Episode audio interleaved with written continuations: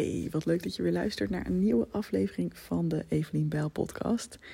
Ik ehm, had laatst een gesprek met Alwin, mijn manvriend. Vind je het al irritant dat ik dat elke keer zeg? Oh, ik wel. Het is heel irritant. Maar zoals gezegd, man en vriend vind ik allebei niet helemaal de lading dekken. Want we zijn geregistreerd partners. We gaan waarschijnlijk ooit nog wel trouwen. Dan willen we willen elkaar echt man en vrouw noemen. Maar nu voelt het allebei. Het is een beetje zo'n tussenfase. Ehm, maar ik had een gesprek met hem uh, over dat ik het zo fijn vind dat ik nu um, ja, eigenlijk een heel warm contact heb met de mensen die mijn programma volgen. Als je niet weet wat ik doe, ik heb um, momenteel de Perfectionisme Coach Academie. Dat is uh, een opleiding voor mensen die coach zijn of coach willen worden. En dan uh, echt in de richting van ja, hoe help je mensen om perfectionisme los te laten? Hoe voorkom je dat je perfectionisme triggert ook bij jouw deelnemers aan je programma's of aan je uh, diensten? En ook hoe laat je zelf perfectionisme los in je werk? Dat, dat hoeft allemaal niet perfect te zijn. Um, en ik deel daarin ook mijn ondernemerslessen. Dus het is echt een full spectrum uh, programma, opleiding. En ik heb echt onwijs leuke klanten. Ik heb het al wel eens vaker gezegd, maar ja, dit voelt echt als een nieuw level van mensen die bij me passen en waar ik helemaal gelukkig van word. En dat is wel heel anders dan wat ik op een gegeven moment had toen ik het programma goed genoeg um, gaf. Dat was toen ik zelf nog perfectionisme coach was en andere mensen begeleiden om dat los te laten. Dat deed ik op een gegeven moment in mijn online programma. En uh, ik had ook een boek geschreven daarover. Dat is nog steeds allemaal verkrijgbaar trouwens, allebei. Um, en wat ik merkte is dat ik dan ik vond mijn klanten leuk hoor, daar ging het niet om. Het was niet dat ik ze niet leuk vond. Uh, maar ik was toen heel erg bezig met de groei van mijn bedrijf en het zoveel mogelijk losmaken van mezelf. Dat is natuurlijk ook een beetje wat je hoort van hè, wat je hoort te doen als ondernemer. Dus ik had andere coaches ingehuurd om de coachsessies te geven. En um, ja, ook het klantcontact, hè, de support, zeg maar, verliep via mijn team. Dus er was eigenlijk heel weinig. Uh, waren heel weinig raakvlakken of momenten dat ik echt in contact was met mijn uh, klanten. En ergens vond ik dat ook wel fijn, want ik had op een gegeven moment ook echt honderden mensen erin in het programma. En dat kun je ook niet helemaal lekker handelen. Als je daar echt met allemaal een persoonlijke band moet hebben, dat is gewoon echt te veel. En um, wat er ook bij kwam kijken, is dat ik op dat punt dat het zo groot was, was ik ook echt al een flink aantal jaar bezig met datzelfde onderwerp. En begon ik ook zelf um, de echte passie en de echte ja, interesse voor de nitty-gritty van de coachvragen gewoon te verliezen. Dus dat was het ook. Ik vond het heel fijn dat iemand anders dan die coaching overnam, omdat ik dacht, oh ja, voor de honderdste keer een vraag over hoe geef ik mijn grenzen aan op mijn werk of uh, ik vind het zo moeilijk om mijn vriendin teleur te stellen als ik de verjaardag afzeg. Weet je wel? Elke keer weer diezelfde vraagstuk. En, en ik ben er gewoon ook wel een beetje ongeduldig in dat ik dan dacht: oh ja. Ik, het lukte me echt wel om met, als ik wel met cliënten sprak, of ik gaf nog wel eens een keer een call, om dan het geduld te bewaren hoor. Maar ik vond het niet meer zelf heel interessant, omdat ik al zo ver voorbij die les was, dat ik dacht, ja, dan is het ook niet meer zo boeiend om de les aan een ander uit te leggen voor mij. Je hebt ook mensen die er juist heel goed op gaan uh, om echt helemaal een bepaald onderwerp te verfijnen en daarin door te blijven gaan. En die ook helemaal aangaan van elk nieuw klantcontact. Omdat je met iedereen weer een andere band hebt en iedereen toch een ander mens is. Dus dat snap ik ook echt heel goed. En voor mij werkte het alleen niet zo. Dus ik had op een gegeven moment echt een beetje een muurtje ook om mezelf heen gecreëerd. Een beetje een afstand tussen mij en mijn cliënten. En ja, dat vond ik dus eigenlijk ook wel prettig. Ik, zat daar ook eigenlijk niet op te wachten om met iedereen een één op één band op te bouwen. En ik zeg niet dat dat nooit meer zo zou kunnen gaan gebeuren, maar ik was daardoor ook wel weer een beetje de feeling kwijt of zo. Dus ik merkte ook dat, hè, dat was ook omdat het enthousiasme afnam, maar ook, ik denk misschien ook wel hierdoor, dat als ik dan een nieuwe ronde ging verkopen, dat op een gegeven moment dat ook moeilijker ging. Omdat ik gewoon, ja, ik voelde het letterlijk minder. En dat is zo'n verschil met hoe ik nu, um, nu die opleiding, de Perfectionisme Coach Academie, um, ja, sinds oktober er is.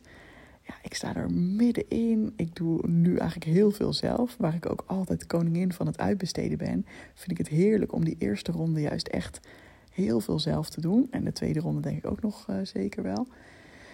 Um, en ja, voel ik eigenlijk helemaal niet zo'n afstand met mijn cliënten. En dat voelt ook heel erg fijn. Dat ik denk, oh ja, ik weet echt wie de, actieve mensen natuurlijk zijn.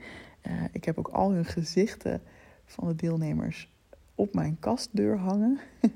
Wat ik het zo leuk vind om te kunnen zien wie er meedoen. En uh, ja, gewoon tijdens die lancering ook dat ik voelde oh, jij komt er ook bij, wat leuk, jij komt er ook bij. Um, en dat merk ik ook gewoon in dingen als de coach calls en in, ja, in het contact dat er is. Het helpt misschien ook dat we een meetup hebben gehad waarin 12 van de 21 mensen er ook bij waren. Um, dat we elkaar alvast een keertje ook gezien hebben. Een deel van de mensen kende ik ook al uit bijvoorbeeld eerdere programma's die ik gaf of uit andere uh, ja, situaties. Uh, ja, ik vind, het, ik vind het heel erg fijn voelen. En um, ja, wat altijd wel een thema is, is natuurlijk ook hoe je dan je grenzen bewaakt in dat contact. Want ik ben natuurlijk niet vrienden met die mensen. Hè?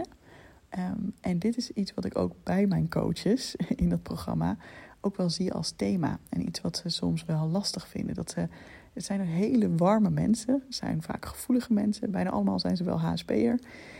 Um, en ze hebben dus het allerbeste over voor hun klanten. Maar hebben daarin soms ook het idee dat ze dus heel erg beschikbaar moeten zijn op alle momenten, op alle manieren. En dat knaagt soms aan ze van, mm, dat is dan weer niet wat ik wil. Hè?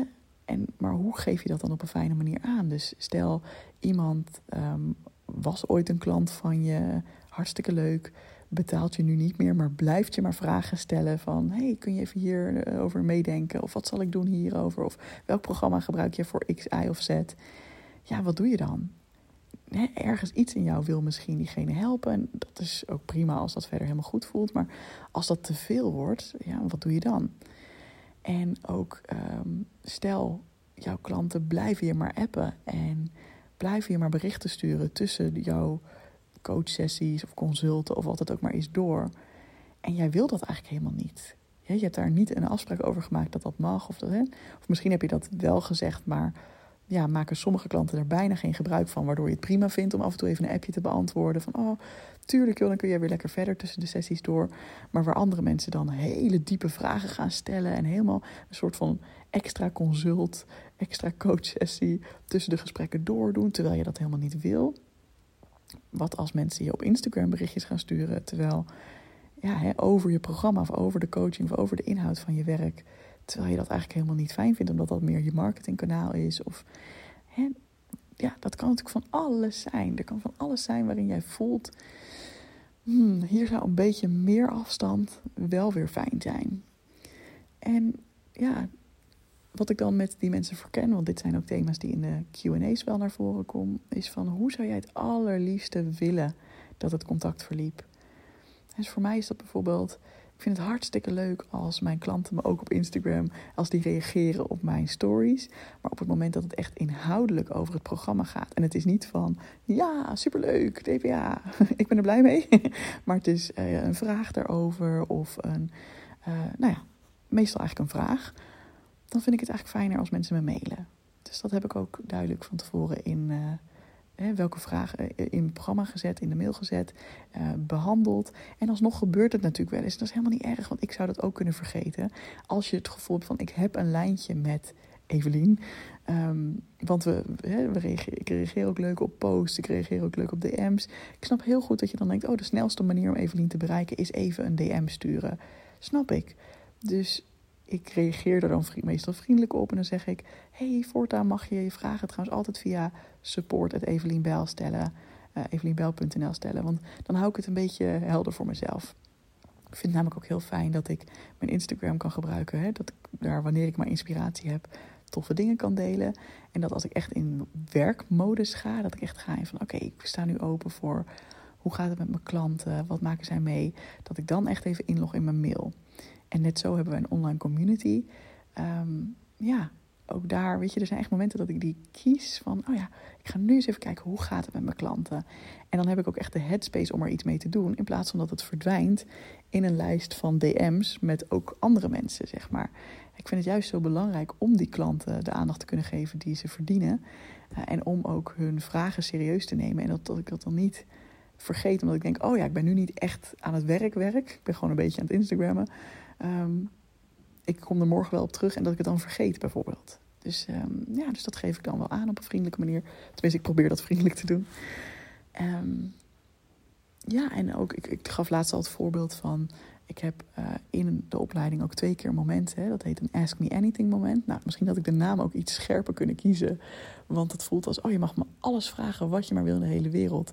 En dat klopt. Op inhoud mogen mensen me alles vragen. Dus over alles wat ze maar willen, mogen ze mijn feedback vragen. Maar het is al één of twee keer gebeurd dat mensen dachten van... oh, maar dan kunnen we dus binnenkort even een gesprek inplannen. En dat is niet helemaal wat ik daarmee bedoelde. Ik bedoelde eigenlijk meer dat iemand iets naar mij opstuurt. Of dat mag een voicebericht zijn of een, uh, iets wat ze gemaakt hebben of een opname van iets. En dat ik daar naar meekijk en daar feedback op geef op mijn eigen tempo. Dat werkt voor mij gewoon heel lekker. Dus ja, als ik dan zo'n vraag krijg, dan, uh, dan zeg ik dat ook gewoon op een vriendelijke manier. Van hé, hey, dat was niet helemaal mijn intentie, het meer zo of zo. Maar dan geef ik misschien een paar alternatieven aan van hoe we het wel zouden kunnen doen. En vraag ik van hé, hey, zou dat ook voor jou werken? Dit is wat ik in ieder geval fijn vind. Ook omdat, weet je, mijn één op één coaching echt, ja, dat is echt een apart traject. Dat is echt een ander traject. En uh, de Perfectionisme Coach Academie is echt een traject waarin je gewoon in een groep um, deze mooie transformatie gaat meemaken. En je krijgt alsnog heel veel van mij en van mij persoonlijk. Want ik neem een persoonlijke podcast voor je op aan het begin, waarin ik echt op jouw situatie inga. Hè. Dus dat is persoonlijk. Ja, twee keer zo'n persoonlijk moment waar je mijn persoonlijk advies mag vragen. In de coachcalls ben ik er persoonlijk voor je. In de meetups ben ik er persoonlijk voor je. Maar wel op die manier en niet in een één op één gesprek, zeg maar. Ja. Dus het voelt nu voor mij als een hele lekkere balans tussen. Ik heb niet mijn klanten helemaal buiten zicht. En uh, nee, helemaal niet. Ze voelen heel dichtbij.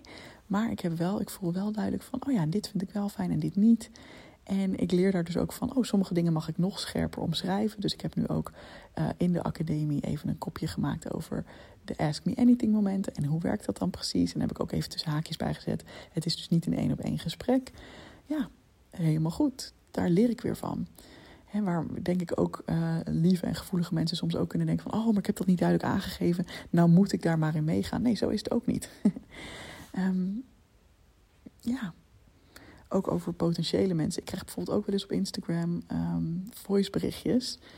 En tenzij ik echt al een conversatie heb met iemand waarin het bijvoorbeeld is: hey, ik denk na over meedoen aan je programma, dan vind ik een voiceberichtje helemaal top. Want dan denk ik: oh ja, dan kan ik echt even iets meer horen waar je nu tegenaan loopt of wat, wat je vraagstukken zijn daarin.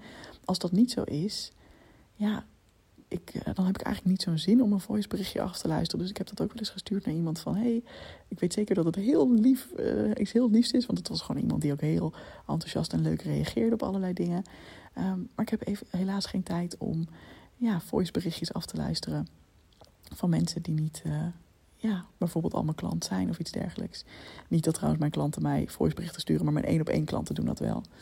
Um, daar, hè, dus dat is ook weer interessant. Van, hè, met welk type klant heb je welke afspraken? Mijn één op één klanten um, hebben ook echt mijn nummer en hebben ook echt de uitnodiging om, um, wanneer ze maar willen, mij een appje te sturen. Waarbij ik wel weer heb afgesproken van nou, gemiddeld is één keer in de week ongeveer uh, waar ik aan denk. De ene week mag het meer zijn, de andere week minder. Dat is helemaal prima. ja, daar heb ik dus die afspraak mee. Dus dan check ik mijn, mijn telefoon wanneer ik daar behoefte aan heb. Of tenminste, wanneer ik daar ruimte voor heb en uh, ja, tijd voor heb. En dan vind ik het helemaal prima als daar voiceberichtjes zijn. Ja, ik vind het zelf een hele lekkere manier. Gewoon lekker duidelijk zijn, lekker helder zijn. En ik vind het zo fijn dat het dus beide kan. Dat ik dus en me heel erg verbonden voel met deze groep. En dat ik ook, um, ja de ruimte voor mezelf afgebakend heb, waardoor dat contact ook zo licht blijft voelen. Want misschien herken je ook wel dat als je daar, ja, als iemand daar je grens in overgaat, of als je daar je grenzen eigenlijk in laat overgaan, dat je dan ook een soort van wrok kan koesteren tegenover die cliënt. Dat je dan denkt, mm, en dat je dan inderdaad wat meer afstand gaat zoeken. Nou, dat hoeft natuurlijk niet als je dat gewoon helder aangeeft. En uh, natuurlijk is het wel belangrijk om te kijken van, luistert diegene daar dan ook naar? Um, en dat is weer informatie voor: is dit wel mijn ideale klant? Hè? Als je merkt dat een bepaald type mens steeds over jouw grenzen gaat, ja, daar kun je ook iets in de voorselectie in doen, natuurlijk. Nou, ik ben benieuwd of dit resoneert. Superleuk als je dat laat weten. Dat mag altijd op Instagram, Evelien underscore. En uh, ja, zoals altijd zou ik het heel leuk vinden als je deze podcast reviewt met een paar sterren of met een tekstje op Spotify of Apple. En uh, ken je iemand voor wie de aflevering interessant kan zijn? Dan mag je hem natuurlijk altijd delen. Vind ik heel erg leuk. Dankjewel en graag tot de volgende aflevering.